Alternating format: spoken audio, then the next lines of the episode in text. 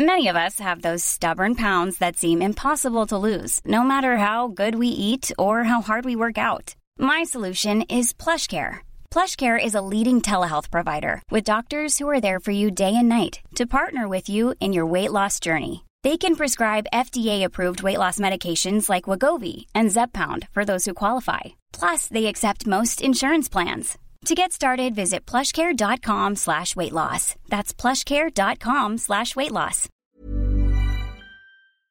Ukas episode er litt spesiell, for den har vi laga i samarbeid med Dr. Drop-In psykologi. Og vi får besøk av deres superpsykolog Rebekka Egeland, som vi skal forsøke å tømme for kunnskap, sånn at Thomas og jeg og du forhåpentligvis kan lære oss å kommunisere litt bedre med hverandre. Det er, det er gaver som er ditt kjærlighetsspråk. I dag er det pain au chocolat. Det er også så luksus. Her kan man velge mellom pasjonsfrukt Jeg går for den der limonadene. Den så veldig nydelig ut. Åh, det er bra, for jeg elsker pasjonsfrukt. Ja, du gjør det? Ja. Ja, kan jeg bytte, da? Bare for å være jævlig? Ja, Hvis du mener at den er best, så må jeg prøve den. Nei, den er ikke det. Ok, jeg har nådd et nytt bunnpunkt. Ja. ja. Eh, som eh, ja, strebende mor. ja. Jeg har jo meldt meg på i denne pass, eh, passkrisa. Eh, jeg har bestilt pass til eh, nyfødt eh, barn.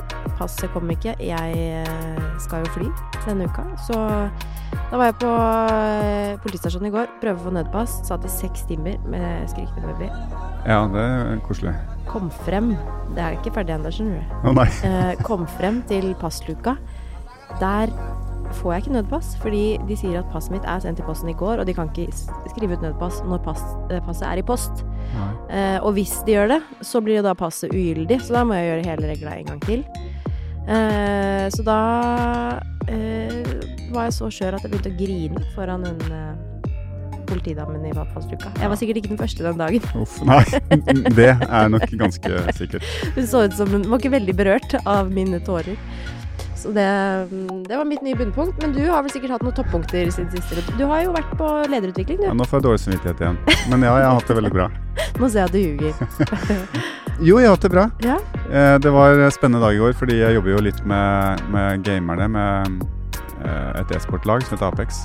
Og så jobber jeg mye med utøverne på litt altså prestasjonskultur, litt mer sånn erfaringer fra, fra langrenn. da. Men eh, også har jeg innimellom tar jeg med, med en kollega fra Jeg har jo drevet med lederutvikling mot næringslivet siden 2004. Så, så tok jeg med Dag Langgaard eh, i går, og da kjørte vi rett og slett på en sånn lederutvikling. Altså masse sånn kommunikasjon. eh, ja, de får en oppgave, skal skrive litt på egen hånd, og så møtes de og diskuterer deler. Eh, prøve å skape litt sånn eh, nysgjerrighet for hverandre og kreativitet. Og, men det er veldig spennende. Og kommunikasjon er vel ekstremt viktig i e-sport, eller? Det er jo ekstremt viktig, ja. Det er helt Ja. riktig. Fordi det er jo fem stykker på et lag i Counter-Strike, da, som jo er liksom hovedgeskjeften til Apex. eh, jeg, jeg må nevne Det er skytespill, sant? Ja, det er skytespill. Eh, men de er jo fem på lag, og det er mye strategi og veldig mye og viktig med kommunikasjon. Føler du at, eh, at det er klare paralleller til langrenn? Det gjør de, fordi jeg er veldig nysgjerrig. Jeg var litt eh, engstelig når jeg begynte der, fordi eh, e-sport og gaming er, det er veldig Det er som helt i andre enden av idrett, da, og langrenn er jo også ekstremt konservativt. Så jeg var litt redd for at de skulle tenke liksom Men eh, kom en gammel gubbe her som har drevet med ski, liksom. Hva kan han om dette her? Men de de er utrolig nysgjerrige og imøtekommende og veldig villige til å lytte, da. Mm. Og de ser jo de også at alt handler egentlig om det samme. Da. Når vi snakker om liksom grunnprinsipper og eh, helt ned på liksom det, det menneskelige. Med kommunikasjon så, så, så er det de samme tingene som er viktige uansett hva du driver med. Ja, For de ser ikke hverandre når de spiller, eller? For jeg bare tenker sånn, Er det ikke noen 90% av kommunikasjonen er nonverbal, eller et eller annet sånt? Ja, At- 70% tror jeg er Ja, eh, 70, kanskje. ja. Men i hvert fall så må det være ekstremt vanskelig å ikke kunne snakke med hverandre med Ja, det er begge deler med gaming. For i store turneringer nå er det jo Major i Antwerpen om dagen, og, som er liksom deres VM. Ja. Eh, og da sitter du jo på scenen, da. Fem stykker ved siden av hverandre, og så har du 60 000 publikummere foran, da. Ja, Som- 60 Som 000. sitter og ser på to, to lag da, som konkurrerer mot hverandre, som sitter hver sin ende av scenen. Men så har det jo vært mye korona nå, og stort sett sånn litt mindre turnering og sånn, så spilles det jo over nett. da, Så da sitter også våre spillere de sitter hjemme i sin leilighet med sin PC. Og så kobles de opp, og så, ja, og så har de et kamera, liksom. Men da ser de jo hverandre ikke, nei. Mm. Men språket, kommunikasjon, er viktig. Og hvordan på en måte det påvirker deg, er mye det vi jobba med i går. Ja. Hvordan du sier ting. Hvis du gjør en feil i spill, liksom, eh, og jeg som er game leader, da, hvordan jeg kommuniserer det til deg. Eh, og, hvordan det påvirker deg positivt eller negativt. Sant? Sikkert. Altså, jeg kan jo veldig lite om uh, e-sport, men uh, Ja. Eh, jeg, Jeg skal lære deg det. Ja, skal du det? Jeg er altså helt uh, krise. Jeg, uff, nei. Jeg har vokst opp med en sånn familie som nekta liksom spill og sånn. Så Du hadde ikke PlayStation heller? nei. Nei, nei, er du gæren? Kjørte ikke snowboard på PlayStation? Nei. Nei. Jeg gjorde det hos venner, da. Spilte SSX. Tricky. Det var, oh, ja. det var rått, det. Ja. Ble aldri så god. Jeg bare trykka på masse greier. Men uh, uansett, det er jo Det er jo dagen din i dag. Vi skal jo snakke om disse tingene. Om eh, kommunikasjon, om ledelse. Vi får besøk av uh, Rebekka Egeland. Ja, det blir spennende. Eh, Ja, du må jo utfordre henne litt, da, Oskar. Ja, men eh, altså, du møter sånne fagpersoner, de er så dyktige og smarte, så det er, det er nok best å bare lytte og få, råd. det, jeg syns er så fint altså Rebekka er jo psykolog, eh, og jeg syns det er så deilig å snakke med psykologer fordi de har et sånt godt språk om ting. De vet liksom hvordan å sette ord på eh, følelser, på eh, strategier, altså på alt. Eh, så det gleder jeg meg litt til. Der kommer jeg ofte litt i kort. Ja, og du som har eh, lavpunkt på lavpunkt ja. hver dag. Men hva var virkelig liksom helt ærlig høydepunktet ditt? At du var på, på camp? D- ja, det, jeg syns det er veldig spennende. Ja? Jeg syns det er kult. Jeg liker jo å snakke med folk som uh, vil noe. Og det er jo utøvere som eh, vil bli best i verden. Og det, det holder for meg, det. Men sa ikke du at du også hadde kjøpt en kafé? Jo. Da er vi kanskje mer ned mot bu- bunnpunkt igjen. Kjøpe en kafé. Nei, men det er jo en eh, del av en større pakke, da. Men, eh, men det endte opp sånn da at eh, jeg og en par stykker som skal til, som skal bygge noen hytter, vi måtte overta kafeen i området for å få litt drift der, for å skape litt aktivitet i det området. da, Sånn at hytteeiere skal få lov å Ok, For det hørtes ut som meg de hadde så gode vafler at du bare måtte kjøpe kafeen borte. Ja, det er flinke folk som skal drive det, men uh, jeg kan ikke noe om kafédrift, så jeg vet ikke helt åssen det skal gå. Vi får se. Jeg gleder meg til å komme og smake vaflene dine, Thomas, hvis det er lov å si. Eh, da tenker jeg vi sier eh, at vi ønsker Rebekka velkommen, og jeg gleder meg til den praten.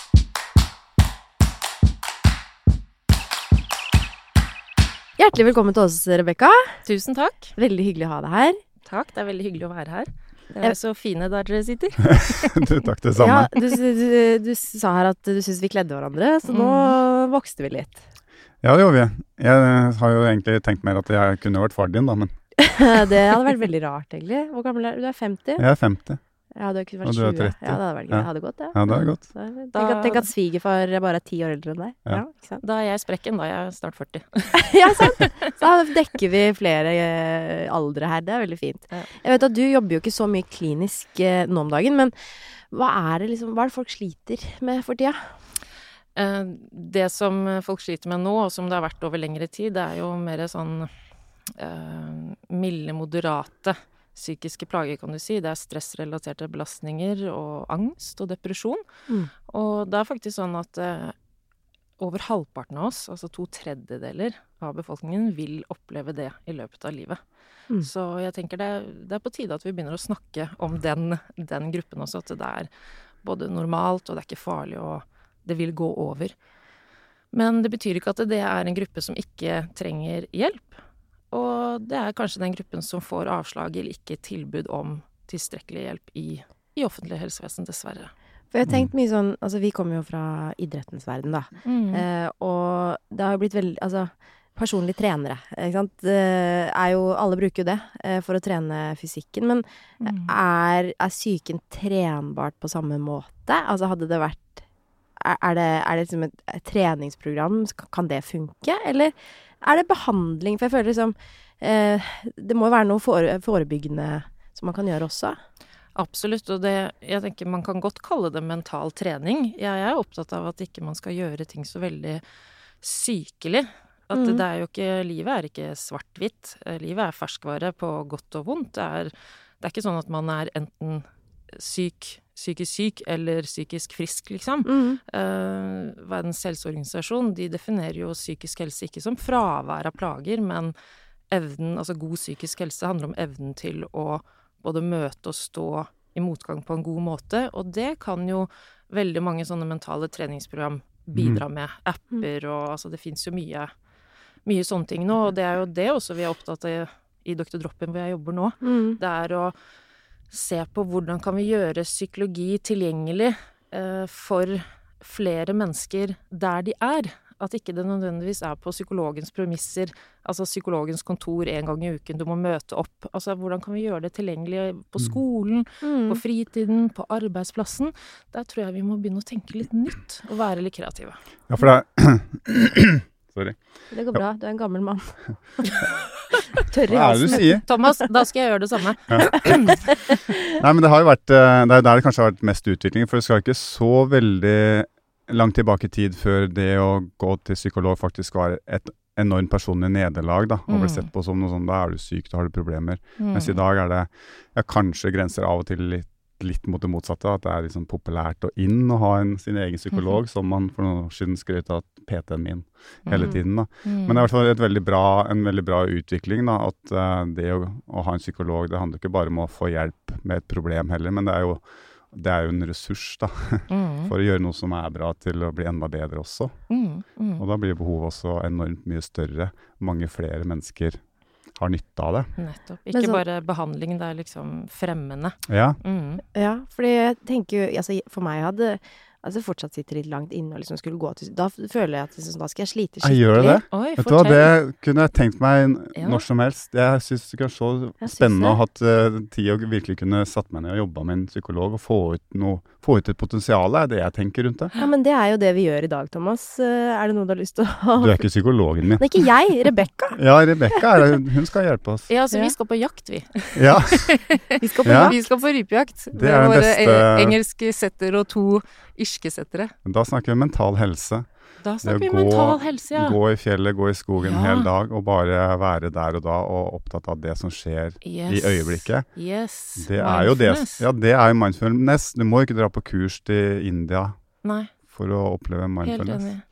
Ja, det er jeg Helt enig. i. Og det har liksom alltid vært min uh, uh, greie. At liksom eh, trening har kurert litt uh, gruft, da. Altså mm. å bevege kroppen har gjort at jeg har klart å nullstille og liksom være frisk frisk i hodet. Mm. Men det, ikke, det funker kanskje ikke sånn for alle, eller?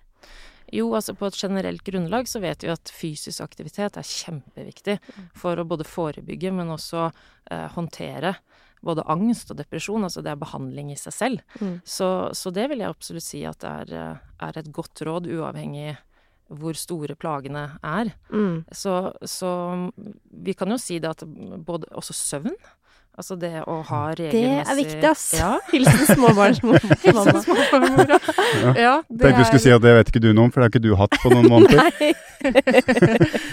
ja, ikke sant. Søvn og fysisk aktivitet og regelmessige måltider. Altså the basics, da. Det Ja. tror jeg er godt for oss alle sammen. Og gode relasjoner. Og gode relasjoner, ikke minst. Ja. Og det er derfor jeg er veldig opptatt av psykisk helse og arbeidslivet, da. Fordi det å være i jobb, altså ikke falle ut, det er så utrolig viktig for å opprettholde de hverdagslige rutinene, og ikke minst de relasjonene som du snakket om. At du møter andre mennesker, du kan oppleve tilhørighet, fellesskap, verdi, bare ved å være til nytte, da. Mm. Og hvis vi blir, ikke får tilstrekkelig god, eller god hjelp, eller tidsnok, så er faren for å bli eh, sykemeldt eller, eller faktisk ufør. Altså nå Ja. er det sånn at den viktigste årsaken til eh, tidlig uføre, altså mennesker under 30 som faller ut av arbeidslivet, det er psykiske lidelser. Mm. Det er faktisk ganske alvorlig. Så vi har et stort samfunnsproblem som vi er nødt til å finne nå andre, nye, bedre løsninger på å, å, Hva- jobbe. Hva er mønstrene? Hva, hva liksom, hva er det vi trenger, vi mennesker, for at vi skal trives i en organisasjon, eller i et team, eller i et lag? Mm. Jeg tror at um, mye handler om kunnskap. Ikke bare hos medarbeidere, men hos ledere. Hva er det som skjer med oss mennesker når vi møter på jobb og skal samarbeide og kommunisere? Altså, jeg har tenkt mange ganger wow, at ikke det er flere konflikter på arbeidsplassen, fordi det er så mange usynlige faktorer da, som vi Mm. ikke ser, men som spiller seg ut mellom oss. da. Og det å bare vite at eksempel vi kommer på jobb alle sammen med en hva skal jeg si, usynlig ryggsekk da, av personlige, unike erfaringer, og vi har også noen medfødte egenskaper, altså arv. Og så har vi ulike personligheter, da.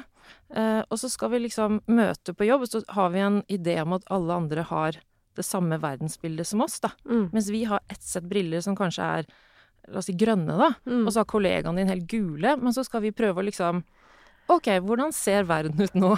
Ja. Mm. Og det, det kan skape en god del misforståelser, da. Så jeg tenker det å bare forstå eh, Ok, dette er mine briller, dette er kollegaen min sine briller. Hvordan kan vi samhandle på best mulig måte som ikke gir konflikt? Og der kommer jo dette med kommunikasjon inn, da. Og også tenke at Jeg tror det er veldig viktig å tenke at alle har gode intensjoner. De fleste i hvert fall ønsker vel, og vi ønsker det samme. Vi ønsker å bli sett og anerkjent for den vi er. Vi ønsker å uh, føle tilhørighet og fellesskap og ha en verdi, da. Mm. Det er liksom Uavhengig den ryggsekken, så er det the basic som vi alle har behov for. Mm. Og så kan vi ta utgangspunkt i det. Ah, det syns jeg var så fint sagt. Jeg har tusen spørsmål. Jeg, jeg har lyst til å begynne med Fordi man sier ofte at man ikke skal ta med seg jobben hjem. Eh, men så tar man Det gjør man jo alltid. Men den ryggsekken, som du sier, med den private Mm. eh, ballasten, skal man ta med seg den på jobb? Altså hvordan skal man eh, Jeg tror, ikke, jeg tror ikke man har så mye valg, fordi den du er som menneske, altså den du tar med deg inn på jobb, da. Og det gjør det også når du drar tilbake. En ting er arbeidsoppgavene. De konkrete arbeidsoppgavene kan man kanskje la være eller sette grenser for, men den du er som menneske, vil du jo ta med deg hele tiden. Men skal man, ha, skal man liksom tilrettelegge for at det er et rom på arbeidsplassen for å snakke om de personlige, den personlige ryggsekken, eller?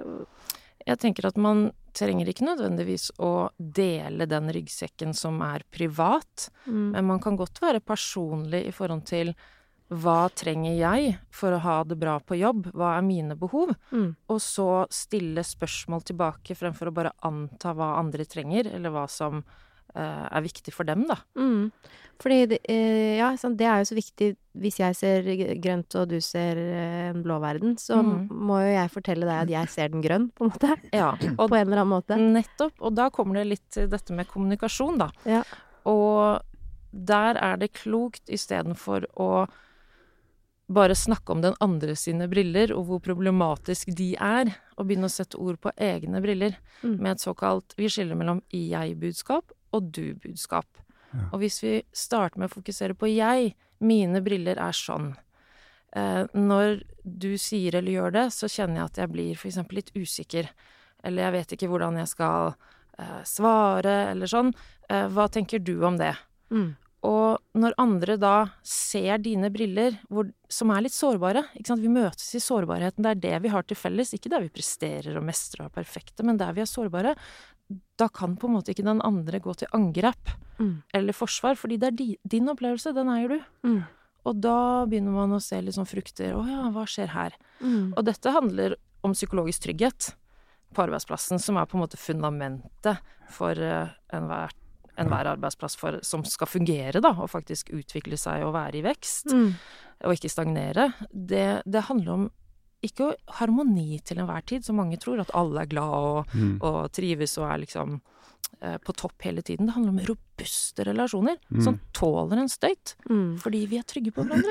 Jeg er veldig glad for å høre det, for jeg har jo, eller vi har begge mye erfaring med, med lag og team og prestasjonskulturer og harmonimodeller. Det, det virker liksom forlokkende og, og virker kanskje fornuftig at man skal ha, men det skaper veldig lite kreativt. da. Men det, Mm. det er gøy det du sier, fordi jeg kom inn på juniorlandslaget for mange år siden. Det var jo 88-89 rundt der, vel? 89-90. Mm. Eh, Så det første som møtte meg da, på den første dagen på første treningssamling, var at treneren sa at vet du hva, nå skal dere sette dere ned. Eh, Dere løperne aleine, uten meg som trener, ingen andre, bare dere. Nå skal dere sette dere ned. Og diskutere og bli enige om hvordan skal dere ha det sammen nå i år. Sant? Diskutere og bli enige om hvordan dere ønsker å forholde dere til hverandre. Hva ønsker dere å, måte, eh, Hvilket språk skal dere bruke? Hvordan skal dere snakke med hverandre? Hva kan dere ta opp med hverandre? På hvilken måte ønsker dere det skal bli gjort? Hvordan ønsker dere at andre utenfra skal se på dere som et lag? da? Og så lagde vi rett og slett bare en, en liste med noen punkter. Og så ble det liggende i bakgrunnen som en veldig sånn konflikthåndteringsverktøy når det begynte å bli litt gnisninger. Kunne vi Mm. hente den fram. da. Og det ble så Jeg syns det var så interessant. Eh, og jeg var jo med på dette her mange år, styrt av mine trenere og ledere i landslaget. Men etter hvert så ble jeg trener i andre landslag, med skiskyttere i Sverige og et eget privatlag. Så jeg har alltid tatt med meg det, det videre. Mm. Så hver eneste gang vi er en ny gruppe mennesker, ehm, altså én går ut, én ny inn, så, så har jeg tvunget de til å sette seg ned på nytt igjen. Diskutere de samme tingene. Yes. Og når du nå blir med i Apex med, med gamere, så kan det virke ve veldig sånn Altså vi skal sitte på en PC og vi skal spille dataspill og skyte, og skal vi ikke sitte og snakke om oss? Men det er samme der. Første dag, første bootcamp, som de kaller det. Yes. Sett dere ned, diskuter, bli enige om forventningsavklaring. Altså, hva, hvordan ønsker dere å ha det sammen, Yes. dere fem nå i år? Jeg år? får frysninger. Dette er jo Ja. gullstandarden. Det er veldig Ja. Kul. Altså, Fatter'n sa alltid at skuffelser og glede ligger i forventningene. Så den der forventningsavklaringa tror jeg er utrolig viktig. Ja. Og vi har jo mange grupper som vi beveger oss i. Men har du gjort det i kjernefamilien, eller? Hør nå, Rønne. Nå. Du får høre med Rønne. Nei, um, det er ikke så lett å ta det på hjemmebane, det er, men alle profesjonelle lag og grupper. Um, ja, og det er jo det er en kjensgjerning det at eh, altså, hvordan, eh, eller hvordan vi sier ting, jo, har jo mye større påvirkning på et resultat eller en utvikling enn enn hva vi sier. Så um, Jeg syns det var veldig fint sånn du beskrev at vi skulle snakke med hverandre og ta utgangspunkt i vårt, eh, altså, oss selv. Og Mm. forklare liksom, at hvordan eh, at jeg ser faktisk at verden er grønn, på en måte. Fordi ofte så er det jo en firkant som prøver å passe inn i en trekant. Eh, Mm. Og de må fungere sammen. Mm. Enten man skal gå på tur gjennom Norge, eller man skal prestere sammen på en arbeidsplass. Mm. Og liksom Er det Altså, hvordan, hvordan begynner man å ta tak i eh, en konflikt eller en utfordring når man eh, ser verden fra to forskjellige steder? Jeg tenker Man kan jo starte med det jeg-budskapet. Ja. Og det, det Thomas eh, beskrev nå, er jo som sagt gullstandarden. Det er sånn man begynner. Men hvis man allerede er i en konflikt, så kan det være fint å ha en tredje part som kommer inn, som, som kan noe om den kommunikasjonen, og ta eh, såkalt jeg, veldig, jeg liker godt det derre timeout, da. Du sa litt om det når det kommer en ny inn, eller hvis man kjenner nå, begynner å rykke litt innvendig, eller her skjer det et eller annet, temperaturen øker. Stopp, et steg tilbake, spørre hva var det som skjedde nå? Liksom metaperspektiv, at man kommuniserer om kommunikasjonen, mm, for å si det sånn. Hva Mm. var det som skjedde nå? Hvordan opplevde du det? Hvordan var det for deg? ja. Og med et utgangspunkt i de egne fargede brillene du har, så, så er det starten på det, rett og slett. Fordi det man vil avdekke, er jo at det er misforståelser. Mm. Det er rett og slett misforståelser. Ikke at noen ønsker andre vondt, eller er vanskelig, eller rigide, liksom. Det er, det er bare at vi har forskjellige perspektiver og ståsted og ryggsekker. Men ofte så opplever jeg at disse diskusjonene handler så lett om at jeg er enig eller jeg er uenig, eller at det er rett eller feil. At, hvorfor er det så vanskelig for oss mennesker å si hei, du tenker helt annerledes enn meg. Det er spennende, kan ikke du fortelle mer om det? Få meg til å forstå. Og så kan vi se hvordan kan vi få Hva kan vi skape ut av det? Det, er, det sitter liksom så langt, Sitter langt inne. inne. Ja, altså det har jo noe med at vi Det er iblant vanskelig å være raus på andres vegne, ikke sant? Hvis Ja. vi har, har noen behov som er viktige for oss. Og det å prøve å forstå andres briller, det er ikke alltid like lett eller noe vi ønsker, fordi det blir veldig sånn ah, alle andre er vanskelige, eller alle andre er rigide. Men det å vite Jeg prøver ofte, som sagt, å ha en sånn Ha som utgangspunkt at alle mennesker ønsker meg vel. Mm. Alle mennesker har gode intensjoner. Vi har bare ulike behov og oppfatninger. Et eksempel er eh, Nå har jeg jo startet i ny jobb, og der er det For noen er det liksom free seating, og for andre så er det som, Så har andre egne faste plasser. Mm. Og der er vi jo veldig forskjellige. Sånn åpent landskap, det vet vi av forskning nå, at det fungerer for noen. Uh, ikke for alle. Og det fungerer Jeg hadde jo daua i et ja, åpent landskap. jeg også er litt sånn Jeg liker um, Jeg jobber mye sånn fokusert, og jeg kan ikke ha for mye avbrytelse. Så for meg, det å ha hjemmekontor én, kanskje to dager i uken, det er helt avgjørende. Da jobber jeg mye mer effektivt. Ikke bare sparer jeg jo mye reisetid, da, fordi jeg bor, bor på landet, Mm. men, men det må jeg gjøre for å prestere optimalt, da. Eh, og da Helt fra starten av så ba jeg om liksom et spesifikt eh, sted. Ok, her kan jeg sitte. Her har jeg min eh, skjerm som jeg har fått. Her har jeg mitt tastatur. Her har jeg laderen min og vinduet. Liksom her, her, og her er jeg trygg. Her trives jeg, liksom. Ja. Hvilket stjernetegn er du? Jeg er løve. Ja, ikke sant? Ja. Nei, og så, og så var det veldig deilig, da. Og så kommer jeg på jobb da en dag, og så sitter en annen der. Nei! Og jeg bare Åh, faen, hva gjør jeg nå? Og så tenker jeg åh, så må han sitte der. Først blir jeg litt sånn irritert. Mm. Og så tenker jeg dette handler jo bare om meg. Ikke sant? Stakkars fyr. Han tenker jo bare Han er ny, han også. Det er free-seating, og han har jo bare valgt en tilfeldig plass, liksom. Ja, ja. Så jeg tenker ok, nå, nå kjenner jeg på masse følelser. Nå må jeg bare puste, og så må jeg gå og ta meg en kaffe, Ja. og så bare øh, Hvordan skal jeg håndtere denne situasjonen? Jeg kan ikke bare si 'flytt deg', liksom. så setter jeg meg ned med han, for jeg vet vi skal jobbe tett sammen.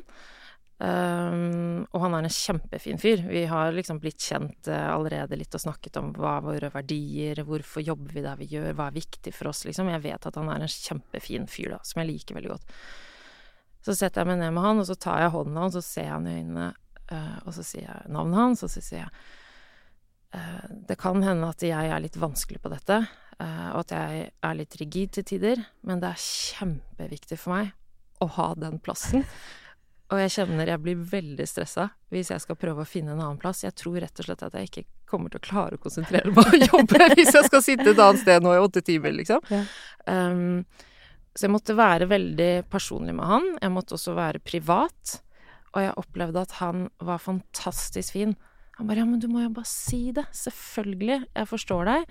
Men og så flyttet han seg selvfølgelig, og jeg følte meg litt sånn Følte meg jo litt dum, liksom, men samtidig vet at dette er meg, dette er mine behov, sånn er jeg. Og en god arbeidsplass, hvis du tenker HR og liksom policy, så tilpasser vi oss ulike mennesker. Ikke sant? Noen er introverte og trenger eh, mindre støy rundt seg. Andre trenger å ha folk rundt seg for å være kreative og snakke og høre den støyen. Vi er forskjellige, man kan ikke putte alle i en bås, da. Men det var veldig godt å bare slippe alt og si det som det er, og være sårbar. Jeg kjente jeg hadde tårer i øynene, liksom. Det, det satt langt inne. Ja. Men jeg kunne også vært sur og bare åh, har han ikke sett at jeg sitter der hele tiden, eller det er jo Ja. hva med de åtte andre som sitter på faste plasser, åh. eh, Han kunne tatt hvilken som helst plass. Hvilken som helst plass. Ja. Det var ti andre ledige, ikke sant. Han tok akkurat den plassen. Ja. Han gjør det med vilje. Ja. Han, ikke sant. Jeg kunne bare sagt du, flytt deg, det er min plass. Ikke sant. Hva hadde det gjort med vår relasjon? Mm. Ja. Så det var en veldig fin, fin erfaring at, eh, at han møtte det sånn. Mm. Eh, Men jeg tror også det var nødvendig at jeg kommuniserte det på den måten for at han skulle forstå. Mm. Dette er mine briller, de har den fargen. Mm. Eh, Hvordan er det for deg? Mm. Og det er ingen som har tatt den plassen eh, etter det. Eh, Men det er jo bare han som har gjort det, da, så vi får se. Ja, vi vet jo at å ta initiativ til å, å bare skape kommunikasjon eller begynne å, å snakke om ting, det løser jo det aller meste. Og så er det lett å tenke at du er jo du er så dyktig og å, å jobbe med på dette feltet at eh, du løser det alltid riktig og korrekt, da. Men eh, er det sånn? Eller hender det jo at du også på en måte går i, litt i fella eller gjør feil? Selvfølgelig. Fordi det er jo litt Altså, eh, vi har jo snakket om din famøse tur før, før, Ja, det var derfor jeg spurte, for at eh, jeg skulle bare hjelpe deg, fordi jeg har gjort feil. Eh, ja, ja, men det vi snakket om da, var at det liksom eh, Det låste seg litt for deg. Du fant liksom ikke en vei ut. Du klarte ikke å gjøre noe med situasjonen. Nei, det skjer jo ofte, det. Mm. Hva Selv om jeg også har, føler jeg har mye erfaring på det. Jeg, jeg har jo, er jo fostra opp i en eh, ekstrem prestasjonskultur siden Mm. 88-89, ikke sant. Og fortsatt jobber med ekstreme prestasjonskulturer. Så jeg har veldig mye erfaring, men allikevel så havner jeg altså i situasjoner hvor, hvor det låser seg helt, og det, jeg har ikke kjangs til å få rydda opp. Da, og da er det kanskje andre mekanismer i meg som slår inn. Da, den litt sånn introverte biten hvor selvransakelse, og jeg trenger tid fordi jeg er veldig selvkritisk og jobber med meg sjøl, og Mm. da ikke har, har på en måte overblikk eller energi til å håndtere håndtere noe mer enn det akkurat der og da. Mm. Og så jo- og så vet jeg jo at som introvert at det å gå i seg sjøl, når jeg begynner å ransake meg sjøl og trenger tid for meg sjøl, så blir jeg stille, og da er du sur. Ja. Eller arrogant. Og så blir det også kanskje litt selvforsterkende. Ja, Mm. ja for da blir jeg jo veldig- usikker også, når jeg får høre at, uh, at Eller jeg kjenner at jeg blir tolka da som at jeg er sur, eller et eller Mm. annet sånt, så sier jeg at det er urettferdig, så blir jeg enda mer usikker, blir jeg enda mer stille. Mm. Mm. Og så- Ser enda mer innover, ikke sant. Ja, ja. Men uh, det skjer jo Altså, vi har snakket mye om lag som funker, men det er jo veldig ofte lag som ikke funker. Det er kanskje oftere. Eh, og liksom, hvordan ja, Trenger man en tredje part, eller altså Fordi det er, man møter jo ofte disse personene som man føler at man, man prøver og prøver, men så det går Stanger liksom ikke. Ja. Jeg kjenner meg jo veldig igjen i Thomas. Jeg er jo også sånn. Jeg har uh, introverte sider, og også ekstroverte. Jeg er litt sånn uh, midt på den skalaen. Men jeg henter energi alene. Mm. Jeg er helt avhengig av å gå minst en time, to, etter jobb med mine hunder i skogen. Alene. Mm. Ja. Helst alene. Og, og bare lar tankene flyte. Det er ofte da jeg blir kreativ, kommer på nye ideer, og jeg kjenner at når jeg kommer inn, så er jeg har jeg den energien og kraften jeg trenger for å fortsette da, å fullføre eventuelle andre oppgaver. Men um, et råd jeg kjente med når du sa det derre Når du er stille og trekker deg tilbake, så kan du oppleves som arrogant eller sur. Jeg husker da jeg var administrerende direktør i, i Falk helse, så, så var jeg veldig opptatt av at uh, kollegaene mine skulle føle seg trygge på meg, da, og ha det bra, og at de kunne komme til meg med, med hva som helst og alle disse tingene. Og så fikk jeg en tilbakemelding om at uh, uh, du kan virke litt arrogant eller sur eller noe sånt til tider. Og så tenkte jeg hva? Arrogant, liksom? Det er det jo siste jeg er. Og sur. Det er vel veldig sjelden jeg er sur og sint og vanskelig, liksom. Jeg, det var virkelig sånn Er det den effekten jeg kan ha på andre? Så skjønte jeg å ja, det handler om at jeg må smile mer. Jeg må bare huske å smile når jeg jeg hadde for eksempel sånn hver gang jeg skulle hente kaffe eller gå på toalettet, så ville jeg liksom sneie innom alle og bare se folk i øynene eller vite liksom jeg ser dere, jeg er her, jeg er tilgjengelig, og så videre. Passet jeg på rett og slett å bare smile. Mm. Ja. Eh, For da opplevde folk at jeg ikke var Eller, ikke sant, for vi tolker jo hele tiden. Vi tolker andres Ja. ansiktsuttrykk og atferd og holdning. Ikke sant. 'Å, nå er hun sur.' Og jeg, jeg er jo ikke sur!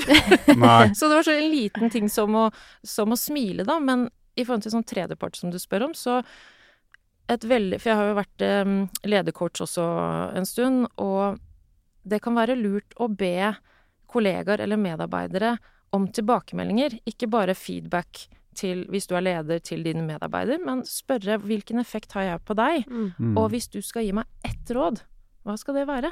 Mm. Det rådet jeg fikk, var jo rett og slett det at når du er konsentrert og fokusert, så virker du sur. Mm. Ja. Eller overlegen eller Ja. arrogant, ikke Ja. sant? Mm. Det var en veldig fin tilbakemelding å få. Ja.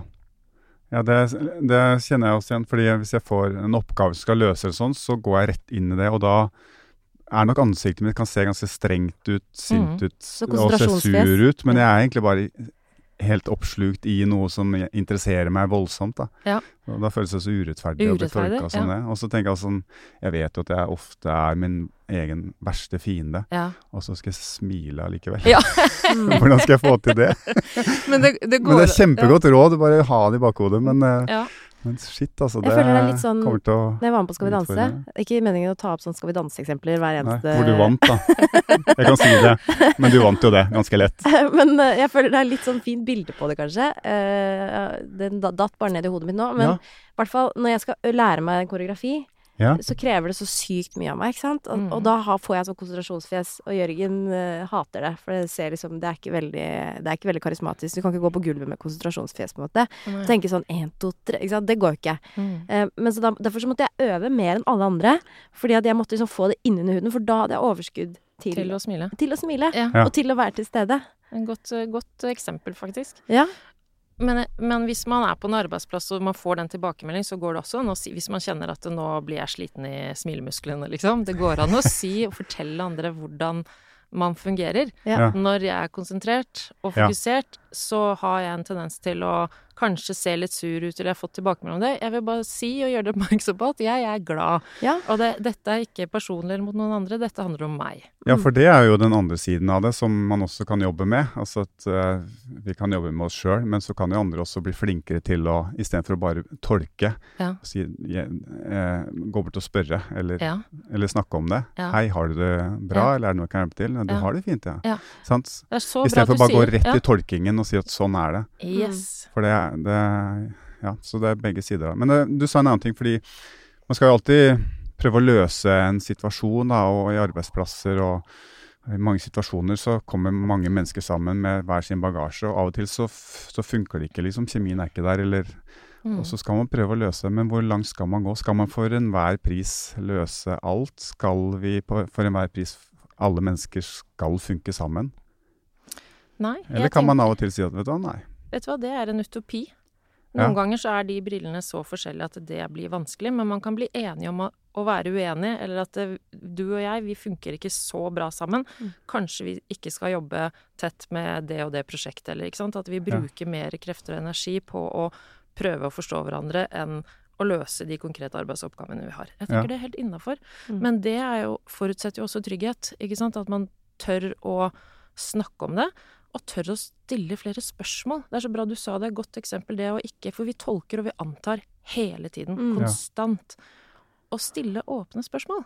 Tørre å si fra. Og, og hvis man blir møtt med litt sånn vanskelige reaksjoner, så kan man si litt om det òg. Mm. Oi, nå ble jeg usikker når du hevet stemmen og ble veldig tydelig. Det er jeg ikke så vant til. Jeg merker at når eh, folk gjør det med meg, så har jeg en tendens til å krype litt sammen og gå inn i skallet mitt, eller ikke sant. At Mm. eh, man faktisk tør å sette ord på ting, da. Jeg kjenner at det er veldig sånn fint verktøy for meg som jeg skal øve litt på. For jeg er jo litt konfliktsky av natur, og min sånn trekke seg tilbake i skallet er litt, ser litt annerledes ut enn deres, kanskje. Jeg blir ikke nødvendigvis stille, men jeg blir mer sånn prøver å gjøre alle fornøyde. Hvis du Mm. skjønner. Det er liksom min Mm. default mode, kanskje.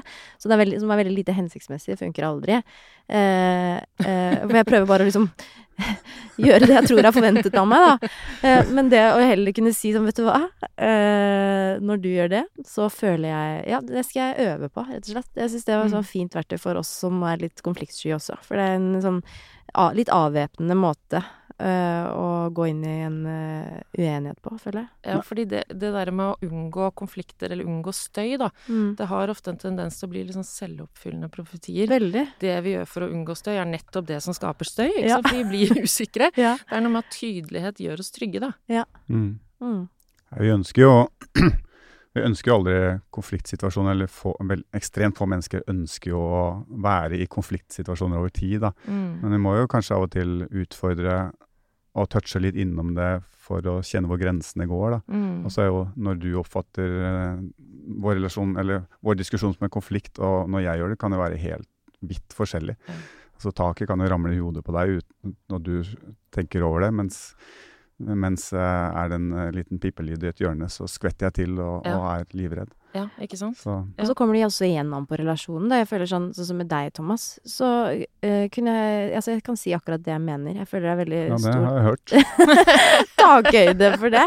Men det er, altså, for meg så er det en uh, personlighetstype som er vanskelig Ikke for å sette i boks eller noe sånt, men uh, folk som blir veld, tar seg veldig nær av ting, da, det syns jeg er vanskelig, da. For da blir jeg på en måte tilbakeholden, og da blir det sånn kluss i kommunikasjonen igjen. Mm. Eh, så det er jo Men da hadde jeg kanskje unngått det, da. Hvis Men for eksempel hvis noen sier til meg, da Mm.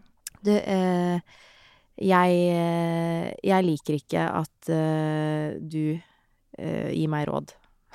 Mm. Mm. Og så eh, Jeg syns det er vanskelig å angripe Fordi man vil jo ikke gi råd, men hvis, man, hvis en person ikke liker at man tar opp Mm. svakheter ved den andre, hvis de Mm. blir veldig såre Mm. og vonbrotne av det, så er jo det et problem. Eller? Eh, Det var et veldig fint eksempel, fordi der har man en hva- skjer i den relasjonen? Hvis vi tenker på jeg-budskap og du-budskap. For hvis du sier 'jeg liker ikke at du gir råd', Ja, jeg skjønte at jeg sa det. ja, jeg hørte at du sa det Det er et sånn du-budskap, ikke Mm. Du er vanskelig, eller Mm. eh, Ikke sant? At du, du påpeker eh, hva skal jeg si, feil med den andre, da. Mm. Og hva skjer med den andre? Jo, de går i forsvar eller angriper tilbake. Mm. For hvis du prøver å se det fra deres vinkel, så kan det jo være bare velment. Mm. Eller altså det kan være helt andre intensjoner enn det du tenker. Mm. Så i det tilfellet, hvis du skal bruke jeg-budskap, Mm. så må du sette ord på hva det gjør med deg. Mm. At vedkommende skal gi deg råd. Mm. Hva, hva skjer med deg? Mm. Sett ord på det. Du, jeg opplever når du kommer med de rådene, så blir jeg ah, Jeg kjenner jeg blir sånn jeg blir veldig usikker på er det fordi du syns eh, eh, jeg er helt brukelig og trenger rådene, eller jeg kjenner jeg blir provosert, eller sin, hva skjer nå? Og da vil du få avdekke hva den andre mener med de rådene, da. Mm. Ikke sant? Og det å tørre å faktisk gjøre det, og gå Det er ikke sånn at man skal oppsøke konflikter, men hvis du velger å bare sveipe det under teppet, Mm. så vil du sitte med den der irritasjonen Mm. hos deg, da. Mm. Altså kast den ut der den hører hjemme, eller ut i lufta, liksom. Få Mm. den Da fordamper den, da, med en gang vi setter ord på det. Mm. Eller så vil den vokse og, og bli hos deg, og så plutselig en dag så vil du klikke, ikke sant, på den personen Ja, ja. med et lite råd, og bare Ja. «Ah, slutt, ikke sant. Så det blir, det blir vanskelig. Da tar det mye lengre tid å komme tilbake til en, til en uh, hyggelig Tone. Ja. Mm. Utrolig sterkt uh, virkemiddel det du sier der, å ta alt gjennom seg sjøl ja, og personlig. Mm. For uh, det er jo veldig mye bra med en toppidrettskultur, men det er en del ting som er ekstremt dårlig også, og det er jo feedbacken. Hvordan man Mm. eh, hele tiden slenger ut ting da, uten å tenke noe nøye gjennom bak der. Men, men feedbacken, i hvert fall vi i langrenn ga til hverandre, var veldig sånn veldig hard direkte i begge retninger. da. Og så har jeg Mm. lært i ettertid gjennom lederutviklingen hvor vi kjører en, en feedback-struktur som er veldig sånn som du sier. Mm. Altså at eh, når du gjør det, så Mm. eh, reagerer jeg Eller så Mm. jeg oppfatter det, eh, for det første. Jeg, kan, jeg har ikke rett til å fortelle hva du er og ikke er, men jeg oppfatter det sånn. Mm. Eh, og det gjør meg eh, sant? Det får noen reaksjoner hos meg og noen konsekvenser Mm. for meg og for oss. da. Eh, Og det er din opplevelse. Den kan ingen arrestere deg for. Den er uangripelig. Ja. Ikke sant? Uh, og da blir det mye sterkere også, og da kan man også si hva som helst, eller snakke om hva som helst. Fordi jeg forteller ikke deg hva du er og ikke er, eller hva du burde gjøre eller ikke burde er gjøre. sånn Ingen gode i mine ører. Og, og så har jeg tenkt også når jeg jobba så mye med deg, at hvilket verktøy det er for barn og etter hvert ungdom. Mm. Eh, og at man Mm. kan være flinkere til å Istedenfor å si du skal være hjemme klokka ti, har jeg sagt du, det skal, sånn er det bare. Ferdig. Ja. Si at når du er forsinka hjem, så blir jeg veldig redd. Ja. Det går veldig inn på meg. Jeg blir usikker på om det har skjedd noe. Mm. At det er så mye sterkere. Mm. Mm. Og så er det litt sånn lettere å, å, å Som jeg snakket om før, å tåle hverandres eh, forskjeller og uenigheter. Kanskje. Ja. Hvorfor ser du på meg nå? Nei, vi har bare snakket om det før, og derfor jeg så på deg. Vanlig å se på folk man snakker med. Det Er du uenig med meg? Nei, jeg er veldig, ofte, veldig ofte enig. Stort sett enig. Nei, jeg syns det er fint. Og jeg kommer jo fra snowboard, som er sånn Det er veldig utøverstyrt uh, idrett. Vi gir hverandre feedback hele tiden. Men det er jo hele tiden på prestasjon, ikke sant. Sånn, uh, når vi sitter i heisen, så snakker vi om det forrige rønnet. Og da Mm. sier vi sånn Ja, du, du sklei ut litt på takeoffen, det var derfor du ikke landa, eller sant. Men det, og det er jo veldig sånn innøvd eh, måte å liksom kommunisere på. Men det Mm. handler veldig om prestasjon, og det å eh, ja, det er jo litt vanskeligere, føler jeg i hvert fall, å gjøre det med, det, med følelser og med opplevelser. Men- Hvorfor det, tror du? Kanskje bare fordi jeg ikke har trent så mye på det. Det Mm. var det jeg egentlig tenkte sånn innledningsvis, å spørre om man som kan trene på det. Men eh, jeg Mm. føler at det er et sånn veldig fint verktøy som jeg skal begynne å trene på, i hvert fall. Mm. Vet du hva, nå kom jeg på en ting. Mm. det må jeg nesten bare ta, fordi det her med feedback er jo forholdsvis nytt. Men eh, Og eh, min erfaring er at sånn utvikling eh, ofte kommer Utvikling i samfunnet også kommer veldig ofte unnifra. Og nå, eller det er, det er noen år siden nå jeg hadde, når eldstedatteren min da gikk i barnehagen, for ti år siden, så plutselig så begynte hun, hver gang jeg ga henne en respons på noe, eller et feedback på et eller annet, så, så slapp hun det hun holdt på med, stoppa opp, og så så hun på meg til jeg var ferdig med å snakke, og så sa hun 'tusen takk'. Oi. Og så er det sånn, hva er det som skjer som du er fem år, hva er det som Wow. foregår her nå? Og så begynte jeg å sjekke litt, og da fant jeg ut at i barnehagen så hadde de begynt med feedback i avdelingene. Dvs. Si at de eh, hvert kvartal eller sånn med jevne mellomrom da, rundt i året, så skulle de ha en feedback-session hvor det var en stol eh, i midten, og så var det en halvsirkel. Og så skulle alle barna sitte i halvsirkelen, og så skulle de opp én og én. Og så skulle de gi hverandre feedback. Og da var det jo selvfølgelig de skulle Altså, jeg skulle fortelle deg da en ting som jeg syns var spesielt bra med deg, da. Bare positivt. Eh, og så ble det jo selvfølgelig veldig mye sånn eh, Jeg syns det er så gøy å tegne med deg, du er så flink, og jeg, jeg liker å leke med deg sånn. Mm. Og jeg så bare hvordan det eh, Hva det gjorde med hennes måte Altså når vi kommuniserte på det nivået, da, sånn type feedback, tilbakemelding, hvordan hun ikke bare, altså hvordan hun stoppet opp og faktisk lytta til meg til jeg var helt ferdig med å snakke. og så. Og så tusen takk, da. Ja. Bare det også er så vanskelig når, når du får feedback, og hvordan vi automatisk bare ja, skal forklare eller forsvare eller bortforklare hvis man får for mye positiv feedback. Mm. Der er jeg bra òg. Mm. Men, eh, men det er bare altså, lytte ferdig, si takk. Lytte ferdig, ja. Det er, det er noe med det å lytte, bruke tid på Vi kaller det jo validering. Det der med å lytte helt ferdig og kanskje sette ord på Bruke de ordene den andre har brukt, sånn at du viser at du forstår, da. Mm. Mm. Ikke bare sitte på mobilen eller eh, se rundt i rommet, faktisk være fullstendig til stede. Men jeg likte det eksempelet du sa med eh, det å komme Du må komme hjem eh, tidsnok. Og sette ord på liksom Hvis ikke du kommer hjem, så blir jeg veldig redd. Jeg tenker det, det man gjør der, er jo å sette ord på noe som gir gjenklang hos andre. For Ja. alle kjenner på redsel. Alle vet hva det betyr. Mm. Og da forstår man mer enn den andre. Ikke Ja. sant? Man får empati for det. Man kan klare å sette seg i den andre sine sko, da. Mm. Ikke sant? Da blir det veldig sånn tydelig at den andre vil meg vel. Det er ikke bare for å være vanskelig eller eh, streng eller ikke sant. At eh, den ikke vil at jeg skal ha det gøy når jeg går ut. Eller, ikke sant? Man, for, man forstår det, og da er det lettere også å imøtekomme det, det behovet Ja. Mm. Til den andre. ja, det er tankegang man kan dra med seg i alle, alle typer settinger. Mm. Ja. Men, men Helene, det du sa om den snowboard-kulturen, eller prestasjonskulturen, Ja. det, det syns jeg var litt sånn interessant om hvordan Er det, er det en kultur for å være sårbar? Å si at nå er jeg Jeg gruer meg til det og det, eller jeg er usikker på om jeg klarer det hopp, eller uh, ja, eh, jeg, altså, jeg har tenkt mye på det. ehm, og særlig forskjell på jente- og guttesnowboard. Det har ofte vært at jentene er litt Altså eh, snakker veldig mye om hvor redde de er. Ja. Så det blir en sånn selvforsterkende effekt. Det var sånn hele snowboardmiljøet tok det opp på en måte en gang. Fordi det var sånn, nå må vi slutte å si at vi er redde. Mm. Fordi da blir vi bare enda reddere. Mm. Vi kan jo kjøre på det hoppet. Vi Mm. vet, vi kjenner det er, Vi kommer over selv om det er vind, på en måte. Mm. Det var veldig sånn Å, det er litt mye sluttkick. Å, det er litt mye motvind. Jeg kommer ikke over. Jeg, nå er jeg redd. Altså, nå er jeg skikkelig redd. Å, fy fader, nå var jeg redd. Mm. Ikke sant? Så det ble veldig sånn Vi bestemte oss for å bytte ut det ordet med å si sånn med, Redd med spent, da. Eh, Ja. Og bare det gjorde en sånn enorm Mm. eh, forskjell. Mm. Eh, men jeg tror eh, Altså, jeg tror kanskje det generelt, altså den derre Det emosjonelle og alt det det er for lite satt i system. Altså, så, mye som vi trener kroppen, og så Mm. mye som det er inne.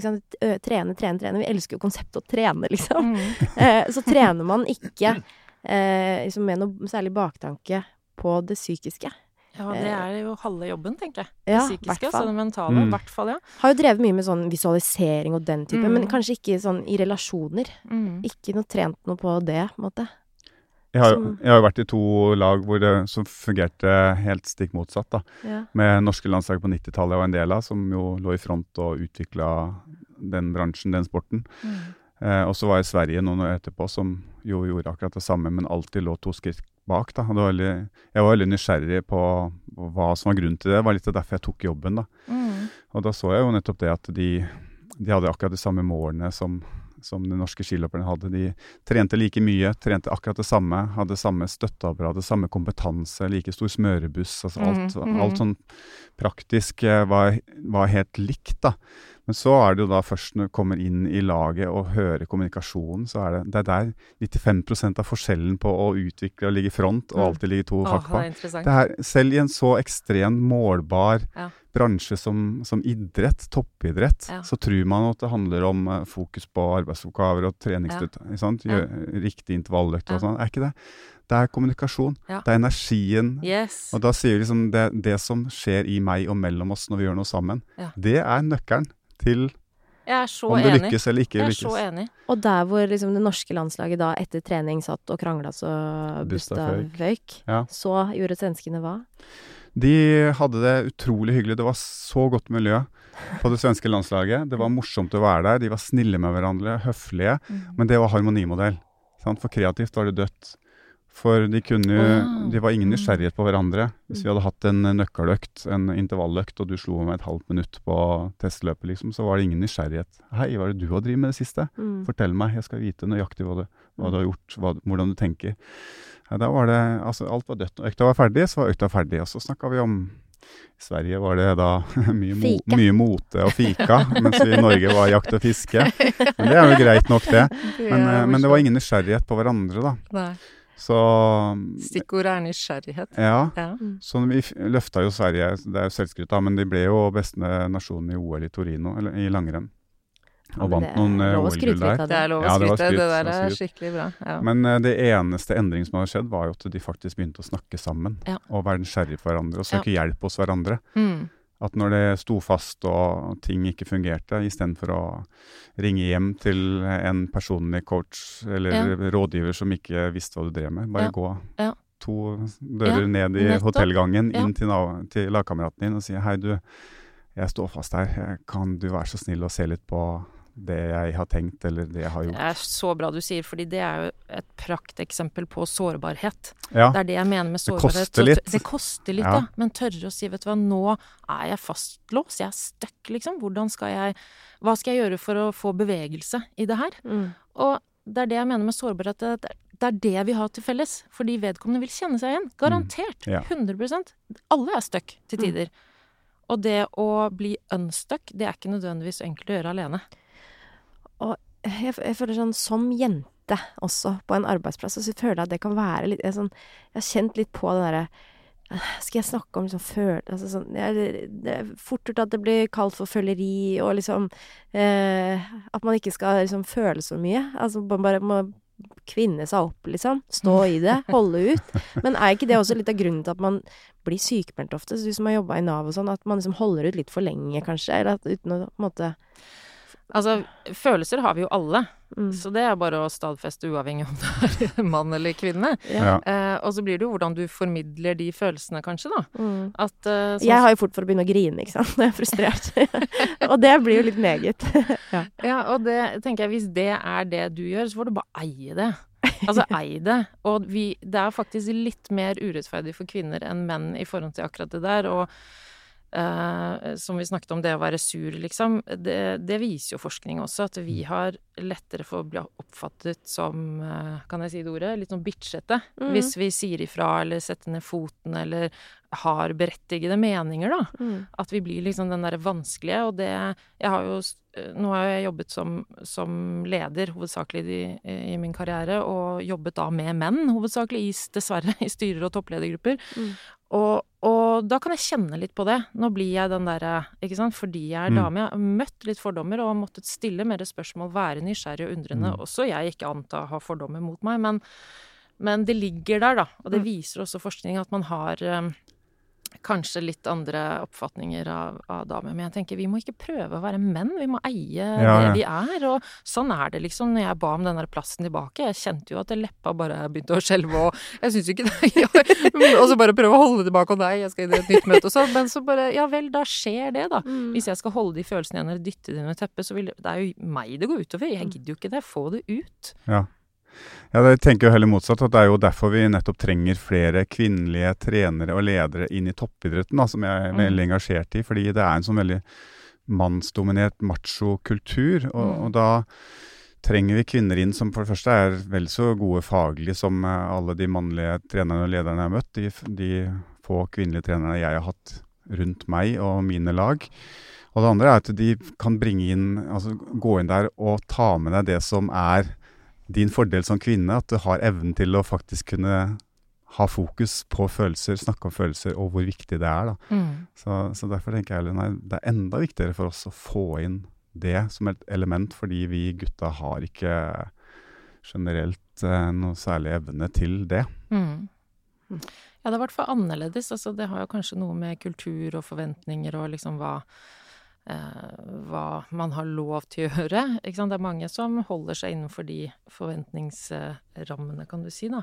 Men eh, ja, jeg har opplevd at det, det er i hvert fall veldig fint å være åpen og ærlig og direkte, og det er sjelden jeg har blitt møtt med eh, noe annet enn forståelse, da. Mm. Mm. Nå er jo eh, samfunnet åpent igjen.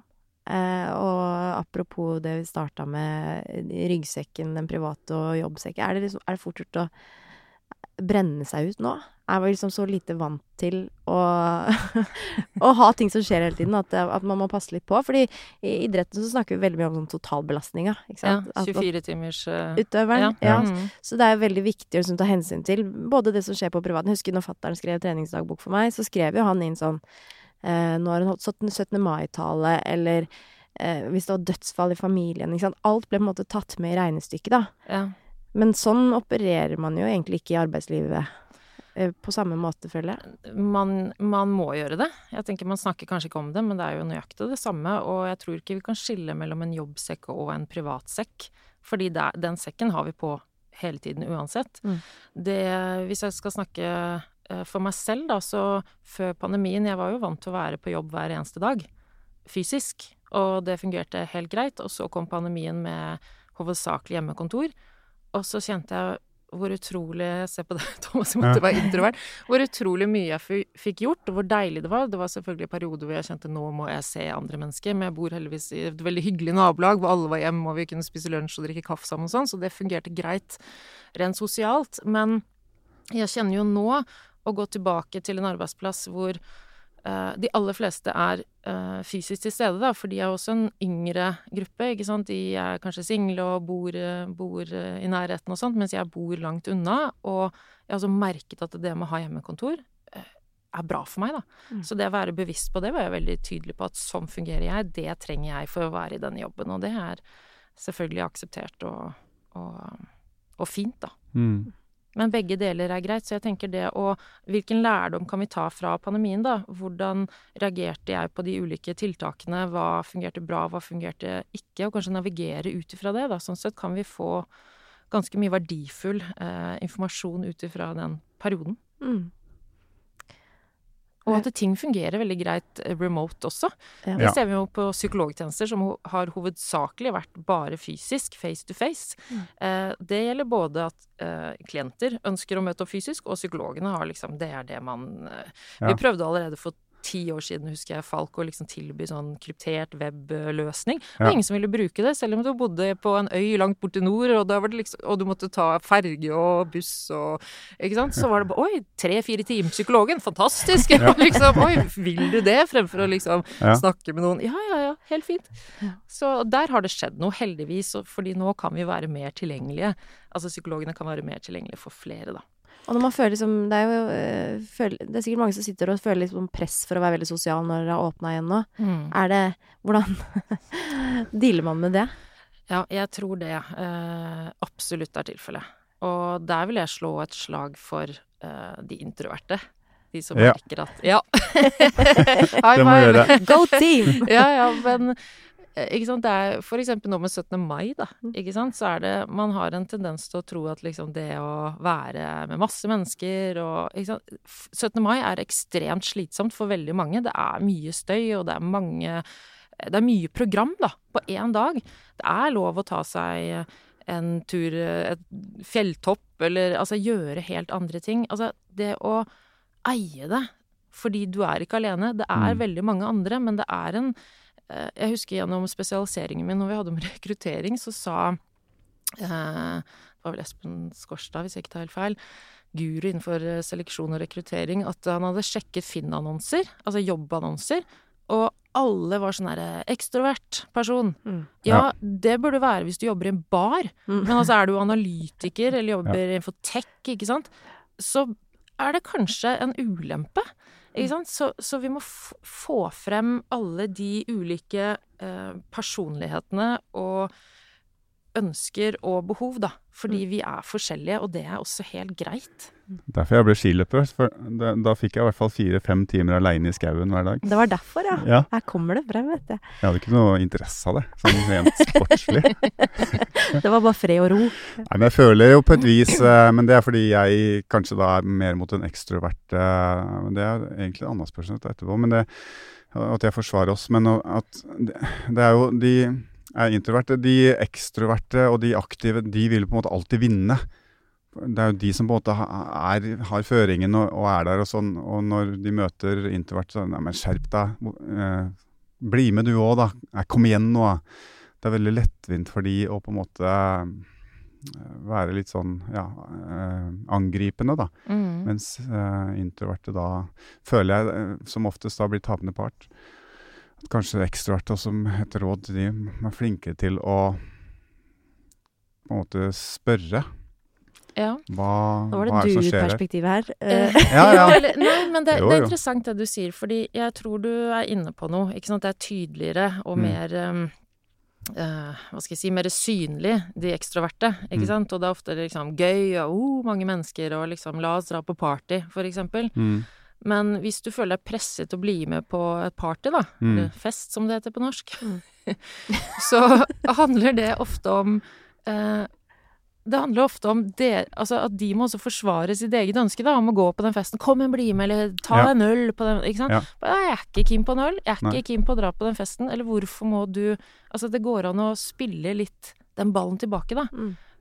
Og faktisk stå stødig, eie det. Hva skjer med den andre da? Ja, Ja. kanskje Kanskje vedkommende, dette har jeg opplevd ganske mange ganger, det er nok veldig mange flere som har lyst til å bare være hjemme i en bok enn å dra på den festen. Ja, det er sant. Men jeg har vært på så mange fester, jeg. Eller jeg har ikke vært på så mange. Det var, Skryt på det deg. tok jeg litt av. Men jeg har vært på fest, da, så jeg har jo overhodet ikke noen ambisjoner om å havne på dansegulvet. Men, eller være på fest, eller, eller noe sånt. Men det er ofte jeg møter sånn Nei, kom igjen, da! Nei, ikke vær så kjip! Er du så kjedelig? Mm. Er du sur, eller alt sånt der? Mm. Men nei, men jeg, jeg er, vil ikke ut på dansegulvet fordi jeg er livredd for det. Kan jeg få Mm. lov å stå i hjørnet mitt her? Mm. Men jeg vil jo aldri si Nei, kom deg vekk fra dansegulvet, ro deg ned litt. Mm. Det er alltid på en måte der jeg føler ekstrovert er de som er liksom angripende part. I kampen ekstrovert-introvert. Nå, nå får jeg sånn lyst til å utfordre deg på liksom, hvordan kan du angripe litt tilbake? Ja, men det er jo Jeg er jo stille, jeg er jo stille og Skal du stå der med de uh, ja. dansemovesa der? ja, nei, jeg vet ikke. Nei, du skal ikke gjøre det, Thomas, men, eh, men jeg tror det kanskje handler om litt usikkerhet om det er ok Ja, å være den som ikke ønsker å dra på dansegulvet. ja, Hvis du neste gang, da, øh, hvis det fortsatt er en greie for deg, øh, og bare Nei, jeg stortrives her. Det er deilig. ja. Hvis du virkelig ikke har lyst til å øh, være på dansegulvet, da, hvis det er en sånn at du egentlig har lyst, men ikke tør, så kan det jo være en øh, anledning til å utfordre seg selv litt, selvfølgelig. Men hvis du Ja. kjenner at jeg Jeg har lyst til å være hjemme Jeg får ikke noe glede av det. Jeg, Det jeg, har jo, jeg har jo prøvd det. Ja, du har jo det. Du fikk jo glede av det, da. Men det Altså, vi kunne skravla Jeg, jeg syns det er så koselig å snakke med psykolog. Jeg må bare si det. Det har vært eh, Ja. er Men jeg har en ting til, da. Får Ja, jeg lov til det? Du kan få lov, da, siden vi Det er jo Nei, vår det var litt podkast, fordi det er jo hvordan, hvordan språket har utvikla seg, hvordan media også er med på, på en måte, De kaster ut veldig sterke uttrykk. Mm. Og når jeg første gangen på en måte begynte å være litt åpen med å snakke at jeg syns det er vanskelig med mennesker, Mm. så er jo Da er det overskriften med en gang. Da, da har jeg sosial angst. Og sosial Mm. angst er en diagnose, men ganske Mm. sterk. Jeg er ikke i nærheten av å ha det. Mm. Og så er jeg blitt introvert, og det er blitt kalt masse navn og, og lagt masse diagnoser på meg i media. Mm. Eh, og så er, Jeg skiter jo i hva, hva det kalles, jeg vet jo hva mine utfordringer er, da. Men Mm. gjør alle disse Den bruken av disse sterke ordene gjør, gjør det, det vanskeligere for folk på en måte å tørre å, å oppsøke hjelp? Jeg er ikke så veldig fan av diagnoser. Så hvis jeg skal Et kort svar på det er ja.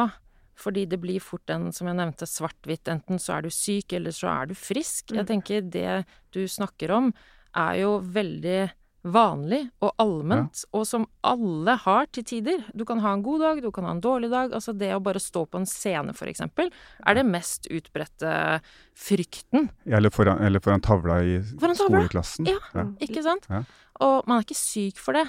Og jeg vil også litt bort ifra det derre psykiske lidelser, forstå meg rett. Jeg bagatel bagatelliserer ikke det som er alvorlig, og som trenger virkelig god tverrfaglig behandling over tid osv. Men det er noe med å snakke om bare hva som er livet, og som skjer med oss alle sammen. Og det er ikke sykelig. Ikke sant? Hvorfor skal vi finne det derre det er jo ofte sånn, Jeg husker i studiet også fordi jeg er klinisk psykolog, at det er veldig sånn hvordan kartlegge og utrede og finne liksom um, begrensningene, da. Mm. Kan vi ikke snu det og finne styrkene? Hva er styrken hos deg ved å være introvert? Hva er styrken hos deg ved å faktisk si nei til den festen? Hva er det positive ved det? Ja. Mm. Vi må snu det, og vi må snakke om det som er helt felles og allment, og det, der står vi i samme båt. Mm. Eller vi, vi er i samme båt, heter det vel. Ja. Mm. Det var litt sånn uh, digresjon, men eh, f- faren til Hedda Berntsen ble jo lam da Hedda var fire år. Og jeg husker veldig godt Hedda, Hedda fortalte at da uh, hadde han et sånn øyeblikk hvor han sa sånn Ja, vet du hva, jeg, jeg kasta den lista om over ting jeg ikke kan gjøre lenger. Og så Ja. skrev jeg opp en ny liste over alle de tingene jeg faktisk kan Mm. gjøre. Ja. Mm. Eh, og det, det er jo litt det det handler om. Det er det å kanskje ja, bare bli litt bevisst. Jeg synes det er fint å, å snakke om disse tingene, for det er jo det man også trenger. Å bli Mhm. bevisst og liksom få Ja, selvfølgelig, det kan jeg gjøre. Sånn, så er det bare en liten switch i hodet, kanskje. Ja. Men det er det der hvor skal jeg starte? Det er jo der det ofte Og det er jo veldig deilig å snakke om det, fordi da vil du oppleve gjenklaget hos andre. Thomas, du er ikke alene. Nei, det vet jeg. Jeg får så masse meldinger, og det syns jeg er veldig Ja. hyggelig at det kan hjelpe for noen. da. Mm. Men jeg har jo også Det er såpass tett at eh, altså, I 96 så døde jo min far, og, Mm. og det gikk jo veldig inn på min mamma. Hun, han ble bare borte i løpet av natta. Mm. Eh, og da snakket jeg flere ganger om at kanskje det er lurt å søke hjelp. En Mm. psykolog som Mm. kan f hjelpe deg med å sortere tanker og sånn. Men det, det, er, det er helt uaktuelt. Det, hun er ikke syk, altså det skjer ikke, for det er så stort nederlag. Ja. Mens jeg tenker at jeg syns det er kjempespennende å kunne snakke med en psykolog og, Mm. som kan utfordre meg litt på min Mm. måte å tenke på, så jeg kan få gjøre noe som er bedre enn det. Og det er bare én generasjon, ikke Det er generasjon. En Ja. generasjon. Ja. Fortsatt er det så veldig mange Veldig på min alder oppover som, som, synes, som egentlig trenger hjelp og kunne fått et utrolig mye bedre liv av å bare tørre å, å ta den kontakten. Da. Men så, så sitter det så langt inne, og det er forankra i, Skam. Masse skam. Skam, ja. Men det er også en fin måte å tenke kanskje at man liksom avlaster de nærmeste rundt seg litt, da, ved å gjøre det. For det er jo Ja. ofte man sitter som eh, nærmeste, eh, og liksom ikke vet hvor man skal Mm. starte, eller hvordan man skal hjelpe. Jeg tenker man kan, man kan snu den skammen, da. Altså skam Forskjellen Dette er litt viktig, så jeg bruker tid på det. Forskjellen det. mellom skyld og skam. Mm. Skyld handler om 'jeg har gjort noe feil'. Ikke sant? Det er en handling hvor du kan be om tilgivelse, si unnskyld og få gjenoppreisning. Men skam, det handler om 'jeg er feil'. Det er noe galt med meg. Mm. Skammens setning er 'hva vil andre tro om meg'? Mm. Ref den generasjonen. Ikke sant? Vi ønsker ikke at andre skal tro jeg er syk, det er noe galt med meg. Mm. Så vi må skjule det jeg føler på. Hva hvis vi snur det til jeg har opplevd noe brutalt, noe vondt, noe vanskelig, jeg vil ha et godt liv, ja, da skal jeg snakke med noen som kan hjelpe meg med å komme gjennom dette. Mm. Og heldigvis eh, er det mindre skam nå fordi vi begynner å snakke om at det er vanlige, normale, menneskelige reaksjoner. Skulle bare mangle å oppleve noe så traumatisk som det. Mm. Så det er ikke farlig å snakke om og sette ord på disse tingene, og du er ikke syk. Det er ikke enten-eller. Mm. Det er livet, og livet er ferskvare. Mm. Det må vi Ja. møte hver eneste dag. Det er ferskvare. Mm. Og det er så fint. Da jeg gikk på lærerskolen, så, så lærte vi det at uh, hvis vi ga en uh, Altså, vi gir jo elever karakterer hele tiden, ikke sant? Men hvis du skal gi en treer eller en toer, så er det så veldig viktig å si sånn Det er ikke du som person som, som får en toer av meg i dag, liksom. Mm. Det er dette produktet. Ja. Uh, og det er jo også litt sånn uh, som er, Vi trenger jo bekreftelse i, som voksne også, ikke sant? Ja. Så på, også mennesker. Så hvis du har gjort en litt eh, svak innsats på jobb, da, Ja. uh, og får beskjed om at det ikke er bra nok, Mm. så er det lett å ta det til seg at det er jeg som ikke er bra nok. Men det var kanskje bare Har ikke sovet, jeg har små barn. altså, det kan være en million ting. Og det, det, jeg er glad du sier det, fordi dette handler om forskjellen på hva man er, og hvem man er. Mm. Ikke sant? Det er mange som knytter sin identitet opp mot hva man presterer, eller hva man har. Tittel, status, fin bil, hus. Ikke sant? Hvem er du uten alt det? Mm. Det er den du er. Og der kommer selvfølelse inn versus selvtillit. Og kanskje jobbe litt mer med den at jeg er god nok fra den dagen du blir født. Bare kraft til å bli født er du god nok. Om du får en toer, du er god nok. Ja. Og det var så fint sted å avslutte! Jeg tror du må komme tilbake til oss, Rebekka, for det er så mange ting vi har lyst til å snakke med deg om. Dette her har vært kjempe, kjempefint. I like måte. Og nyttig. Håper du som også hører på, har fått noe ut av det. Eh, tusen hjertelig takk for eh, at du kom. Takk for at jeg fikk komme. Takk. Kjempehyggelig. Ja! Å, så hyggelig. Jeg blir litt til, jeg. Ja, du gjør det.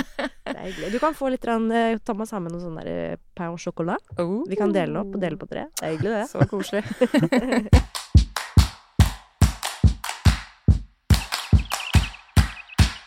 Debrief er jo liksom Etterarbeid er jo det viktigste, gjerne, i idretten.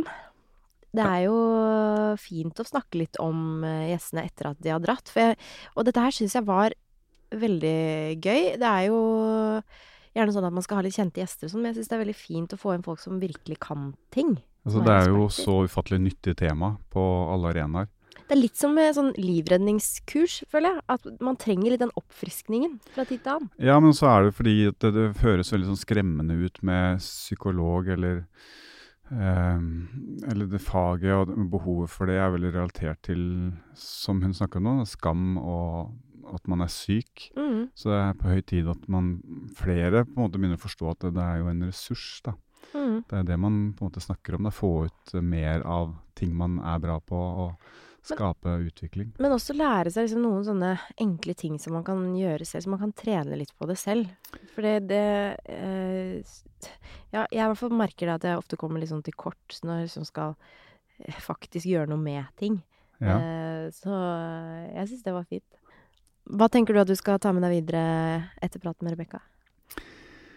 Jeg fikk en eh, påminnelse om at det Når jeg havner i situasjoner hvor jeg er utrygg eller på en måte forsvinner litt kår i meg sjøl, at jeg heller skal putte på et smil, sånn at jeg ikke blir feiltolka. Og du skal eie det! Og eie det, huske det, og egentlig bare kunne kommunisere det. Ja. At vet du hva, nå er jeg usikker, eller akkurat der frykter jeg litt. Bare Mm. si det. Mm. Snakke om det, istedenfor å trekke meg inn i et hjørne og, og bli der, og så bli feiltolka. Mm. Jeg skal bli flinkere til å ta det opp med de jeg har rundt meg i det øyeblikket. Det er fint, altså. Du lærte ingenting, du. Du har ikke behov for å du er perfekt. Ja, men nå handler det ofte om, om deg da, Thomas, for du er liksom litt mer interessant. Men eh, eh, jeg er jo eh, veldig dårlig i konflikter, så jeg kan jo ikke krangle. Eh, jeg har aldri lært meg det, men, og jeg syns liksom det er veldig lite fruktbart å drive med uansett. Jo, men nå får du Du har veldig små barn nå, men etter hvert så du Ja må krangle. Det kommer jeg helt sikkert til å gjøre. Men eh, jeg syns det er fint å ha en sånn jeg, fryser ofte, da, hvis det blir en Jeg syns det er veldig ubehagelig. Ja. Eh, ofte hvis eh, det blir eh, uenigheter og sånn, eh, og hvis folk jeg blir sinte, så syns jeg ofte det er ubehagelig. Ja. Eh, og jeg vet liksom ikke hva jeg skal gjøre, og ender opp med å liksom ja, ja, fryse og ikke egentlig klare å takle situasjonen så godt. Så for meg så er det fint å ha en sånn eh, teknikk å falle tilbake på, da. At jeg kan på en måte forklare situasjonen ut fra hvordan jeg opplever den. ja, at du tidlig da kan gå inn og si jeg begynner å oppfatte dette her som ubehagelig, men hjelp meg litt, så skal vi komme gjennom det. Ja. Eh, at jeg har en sånn ting som jeg kan falle tilbake på, i stedet for å Ja. liksom at det er kaos i hodet. Det Ja. syns jeg var fint. Så ja, bra. Nå skal jeg spise litt pain au chocolat. Nå er det på høy tid at du tar en pain au chocolat, eller hva det heter. Jeg har dessverre aldri lært meg fransk.